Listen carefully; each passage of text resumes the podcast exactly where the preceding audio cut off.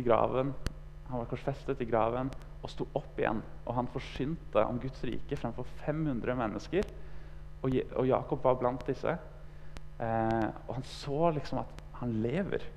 Da tok han imot Jesus som eh, Messias også. Eh, og i etterkant av dette så ble han en leder for menigheten i Jerusalem.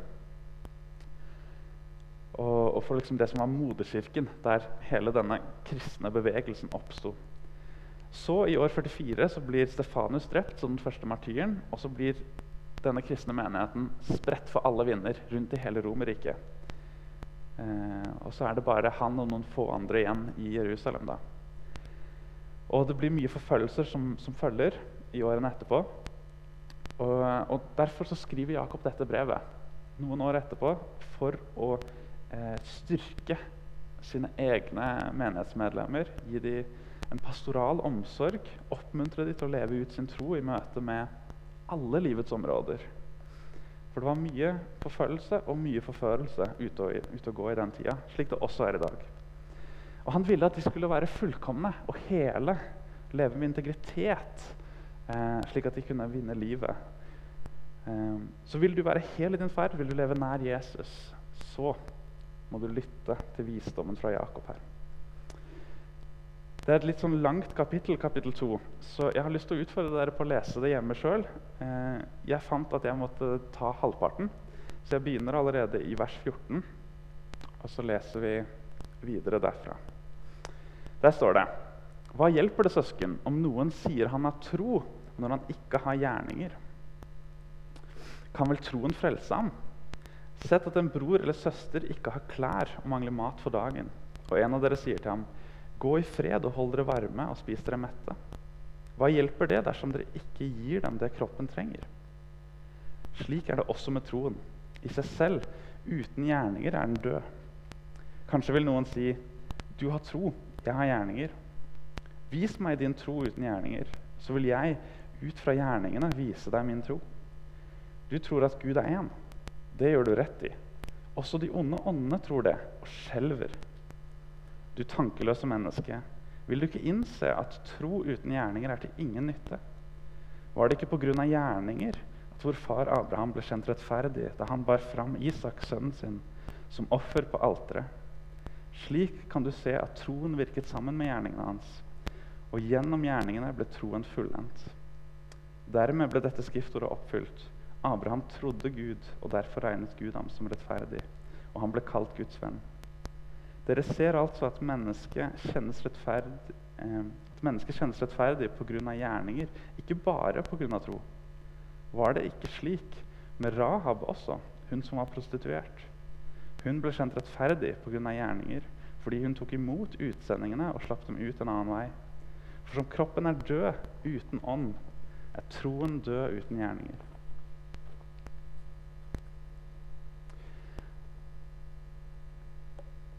Versene som vi skal se på i dag, det er en del av selve hjertet av Jakobs budskap. Han ønsker å gå i rette med hans eh, trossøsken sin tvesinnethet og hjelpe dem til å leve et, et liv i integritet og helhet. Men umiddelbart så kan det se ut som at Jakob her motsier Paulus. For Paulus han skriver til efeserne versene som sikkert mange av dere har lest mange ganger, i Efeserne 2. Fra nåde er dere frelst, ved tro. Det er ikke deres eget verk, men Guds gave. Det hviler ikke på gjerninger, sier Paulus, for at ingen skal skryte av seg selv. Og igjen så sier han til romerne i Romerne 3.: For vi hevder at mennesket blir rettferdig ved tro uten lovgjerninger. Og så sier han til galaterne ikke noe menneske blir rettferdig ved lovgjerninger. Men hvordan i alle dager kan Jakob da skrive Hva hjelper det, søsken, om noen har tro når han ikke har gjerninger? Kan vel troen frelse ham? Forresten, bli ikke forvirret av at Paulus her skriver lovgjerninger og ikke bare gjerninger. For loven er simpelthen kilden som viser til hva som er rett og galt. Eh, så poenget er blir vi rettferdiggjort ved gode gjerninger eller ikke. Men så har du også dette når Paulus skriver i romerbrevet hva skal vi da si om Abraham, vår jordiske stamfar? Dette er Romerbrevet 4. Hva oppnådde han? Dersom han ble rettferdig ved sine gjerninger, da hadde han jo noe å være stolt av. Men overfor Gud har han ikke det. Hva sier Skriften? Abraham trodde Gud, og derfor regnet Gud ham som rettferdig. Den som har gjerninger å vise til, får lønn etter fortjeneste, ikke av nåde. Men den som ikke har det, men som tror på ham som rettferdiggjør den ugudelige, blir regnet som rettferdig fordi han tror. Men Jakob skriver jo var det ikke pga. gjerninger at vår far Abraham ble skjønt rettferdig da han bar fram Isak, sønnen sin, som offer på alteret. Slik kan du se at troen virket sammen med gjerningene hans, og gjennom gjerningene ble troen fullendt. Dermed ble skriftordet oppfylt. Abraham trodde Gud, og derfor regnet Gud ham som rettferdig, og han ble kalt Guds venn. Dere ser altså at mennesket kjennes rettferdig pga. gjerningen, og ikke bare pga. tro. Det, det synes ut som det var helt motsetninger. Hvordan skal vi forstå dette? Er det sånn at to bibelske forfattere, som begge ble inspirert av Den hellige ånd, er uenige i et spørsmål som er så sentralt som hvordan blir vi frelst? Selvfølgelig er det ikke sånn. Og som det veldig ofte er i møte med vanskelige tekster i Bibelen, så har det med eh, at vi må se nærmere på konteksten. For hvem var det Paulus skrev til? Jo, han skrev til menigheter der hvor det typisk var strid mellom jødekristne og de nyfrelste hedningene, altså de som ikke var av jødisk bakgrunn. Hvor noen av jødene påsto at hedningene måtte bli som dem, i at de måtte følge Moseloven, bli omskjært osv. Eh, og at de måtte det da, for å være disipler. Og, og, på en måte så gir jo det mening, sant? fordi Jesus var jo en jøde. Han var jødenes Messias. Jødenes konge. Eh, og selv så holdt han også loven. Så Paulus han skrev egentlig om, om det grunnleggende. Hvordan er inngangen og grunnlaget for frelse? Hvem var det Jakob skrev til, da? Jo, han skrev til jødekristne fra denne menigheten i, i Jerusalem, som så ble spredt omkring. Eh, de møter både forførelse og forfølgelse. Og hovedproblemet deres er ikke oss på liksom, hva er grunnlaget for frelsen. Men de sliter med nettopp dette at de er tvesinnet. De har tvil. De blir trukket i ulike retninger. De står både i verden og de står i Guds rike. De bekjenner noe, men livet deres reflekterer ikke det de bekjenner. Eh, de er ikke hele i sin ferd med Gud. Og altså skriver Jakob ikke så mye om dette med inngangen, men hva er substansen av frelsende tro? Altså, Hvordan ser det ut når troen din er levende? Det er også godt mulig at disse har hørt en forvrengning eller en misforstått versjon av Paulus' sin lære. Det virker litt sånn fordi han bruker nettopp de samme ordene som Paulus bruker. Eh, om dette at vi er frelst eh, ved tro uten gjerninger. Og så bruker Paulus dette som et sånt retorisk grep. Han sier liksom det stikk motsatte for å ta oppmerksomheten for dem. At, at, nå må dere virkelig følge meg her, for nå vil jeg vise dere noe. Eh, så Jakob han ønsker på en måte å korrigere denne forvrengningen av det evangeliet som Paulus har eh, forsynt. Eh, fordi det er blitt en forvrengning hvor de påstår at gjerninger er irrelevante. At det er en slags sånn billig nåde hvor man kan i effekt utnytte Guds nåde og Guds godhet. Og så på en måte bare la hjertet sitt forbli lunkent. Du kan gå liksom litt sånn halvveis. Ja, Du kan få det gode fra Gud, og så kan du få eh, det gode fra verden. Og Man sier til seg selv at det er ikke så farlig om jeg synder, gjør det som er galt, for Gud kommer jo til å tilgi meg. Ja, og så er det jo Der synden ble stor, er nåden enda større. Gud er jo rik på barmhjertighet. Og så blir det slik at vi utnytter Guds godhet. Og Slik er det mange tenker i dag. Jeg vet at jeg har selv tenkt sånn mange ganger når jeg blir fristet. Så kommer fristeren og sier at ja, men Gud tilgir deg jo. Det er ikke så farlig.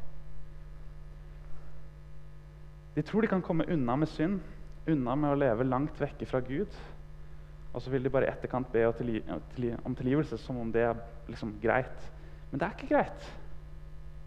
Forfatteren av Hebreerbrevet sier noe som er sjokkerende.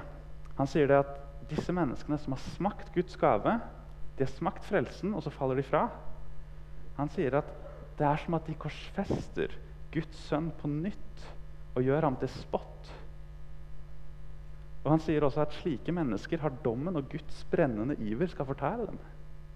Fordi de trampet Guds sønn under fot og vanhelliget paktens blod, som de selv var blitt helliget ved. Altså, Du misbruker Guds nåde. Det er en svært alvorlig ting. Men legg også merke til at Jakob han sier aldri at det er slik at gjerningene frelser.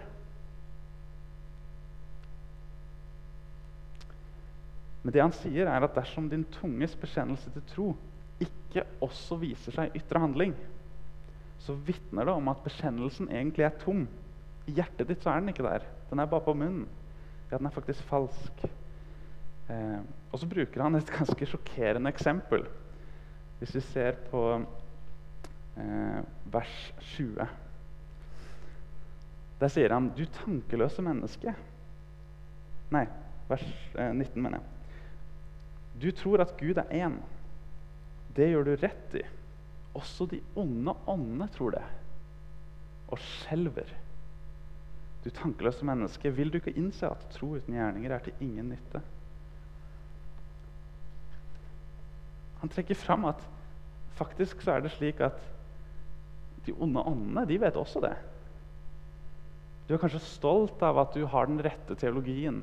Du kjenner Gud. Du vet at Gud er én.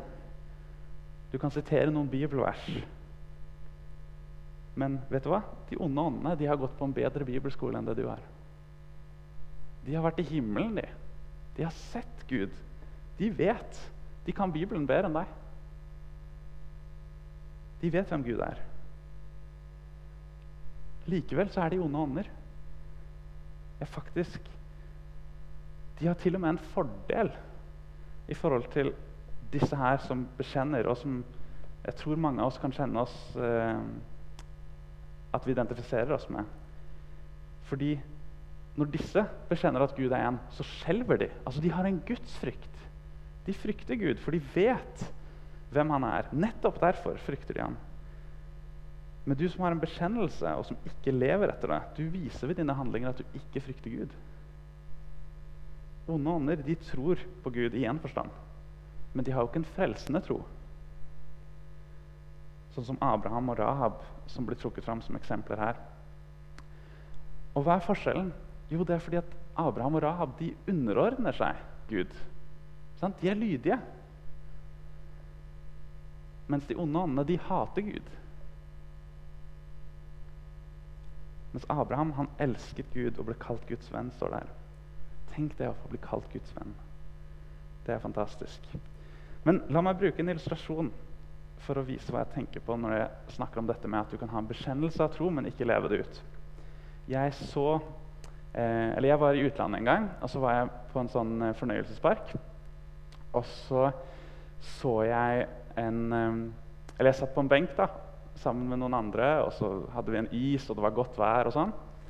Eh, og så var det liksom litt lenger borte så var det et sted hvor du kunne leie en sånn eh, trampebåt på et lite vann. Du vet sånn hvor du tramper, og så kan du fly litt rundt på det vannet. da. Og der var det en mor med et barn som skulle til å legge til. da. De hadde vært ute på vannet. Og så ser jeg liksom denne moren som skal liksom til å hoppe, hoppe på land ikke sant? Og, og knytte båten fast. Og så på en måte hopper hun på land, men så vil hun ikke at båten skal fly av gårde med ungen. sant? Så hun står liksom på begge, og så prøver hun å knytte sånn. Men så treffer den eh, brygga, og så går den ut igjen andre veien. Og vi ser den bare går lengre og lengre ut. Og det måtte jo gå sånn som det gikk. Plask rett i vannet. vet du. Og ungen sitter og skrapler. ikke sant? Kjempegøy. Og vi lurte jo litt på hva skal, vi, vi, vi humra jo litt, og så lurte vi litt på hva vi hjelpe til. Liksom. Det var ikke noe dypt, altså. Eh, men sånn er det faktisk når vi er tresinnede mennesker. Vi har én fot på land i Guds rike, og så har vi én fot i verden, i det som er ustø. Du vil ha Gud på laget, og du vil gjerne ha hans velsignelse, hans tilgivelse, evig liv. Men samtidig så vil du gjerne være verdens venn. Gjerne nyte verdens goder. Etterjage et godt rykte, sikre seg komfort. Sant? Men du kan ikke la Jesus komme inn i livet ditt og bli uforandret. Like lite som du kan putte fingeren din inn i støpselet på, på strømmen i veggen og bli uforandret av det. For du skjønner det at når Jesu liv blir forent med ditt liv, så går du gjennom en helt grunnleggende revolusjon. Du går fra åndelig død til liv. Du går fra mørket til livet, til lyset. Fra løgn og til sannhet. Og Guds kraft er mye sterkere enn de 230 voltene som er i veggen. Mye, mye sterkere. Så Paulus sitt poeng det står fast. Vi blir frelst ved troen alene. Men ikke ved en tro som forblir alene.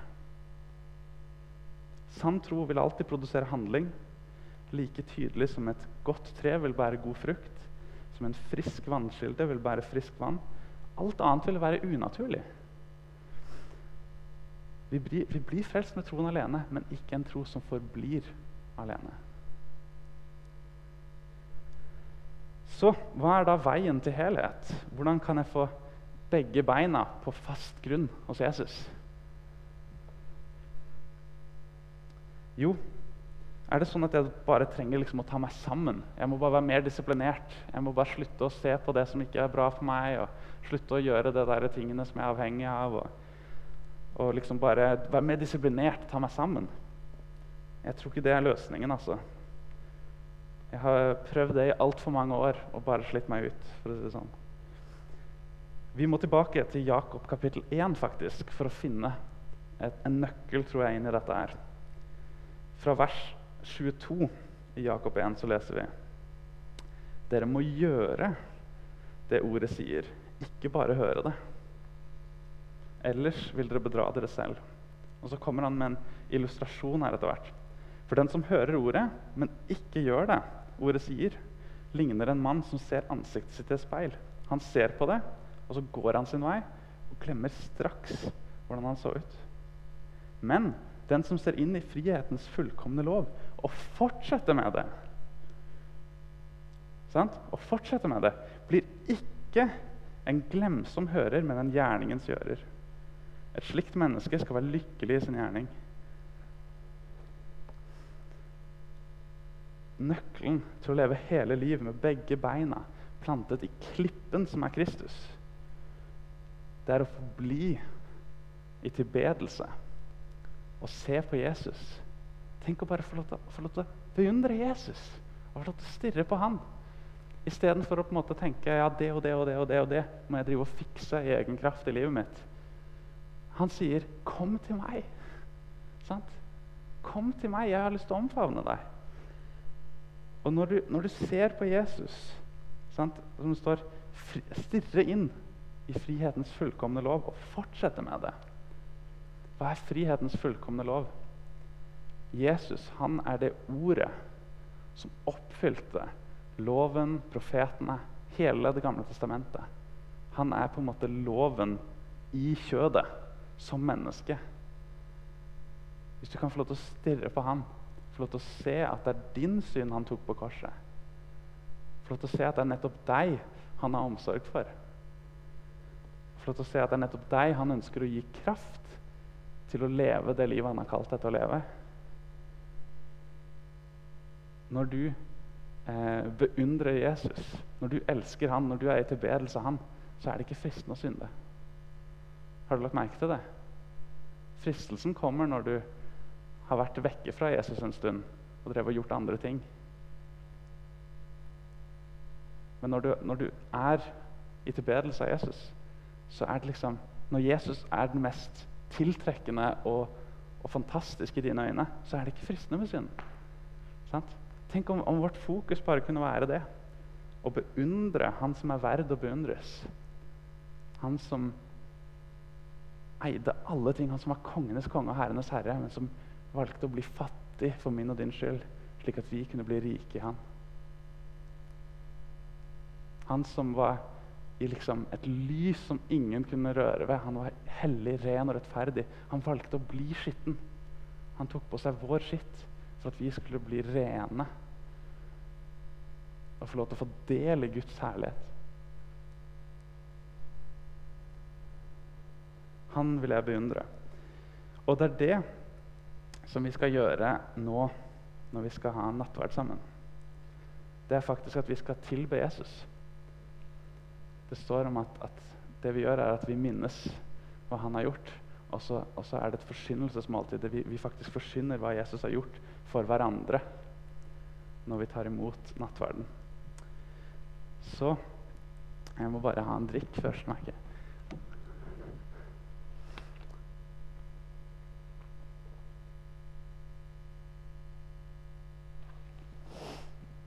Litt grann forkjøla, men det går bra. Yes. Nattverden, det er et måltid som Jesus inviterer deg til. Det er et måltid hvor du får lov til å være sammen med et fellesskap av brødre og søstre. Og så får du lov til å ta imot Guds nåde med helt tomme hender. Altså Du kommer med tomme hender og får lov til å ta imot det du trenger for liv, for glede og får nærhet til Gud. Du får lov til å ta imot tilgivelse. Og det er utrolig godt. Det er veldig godt for oss.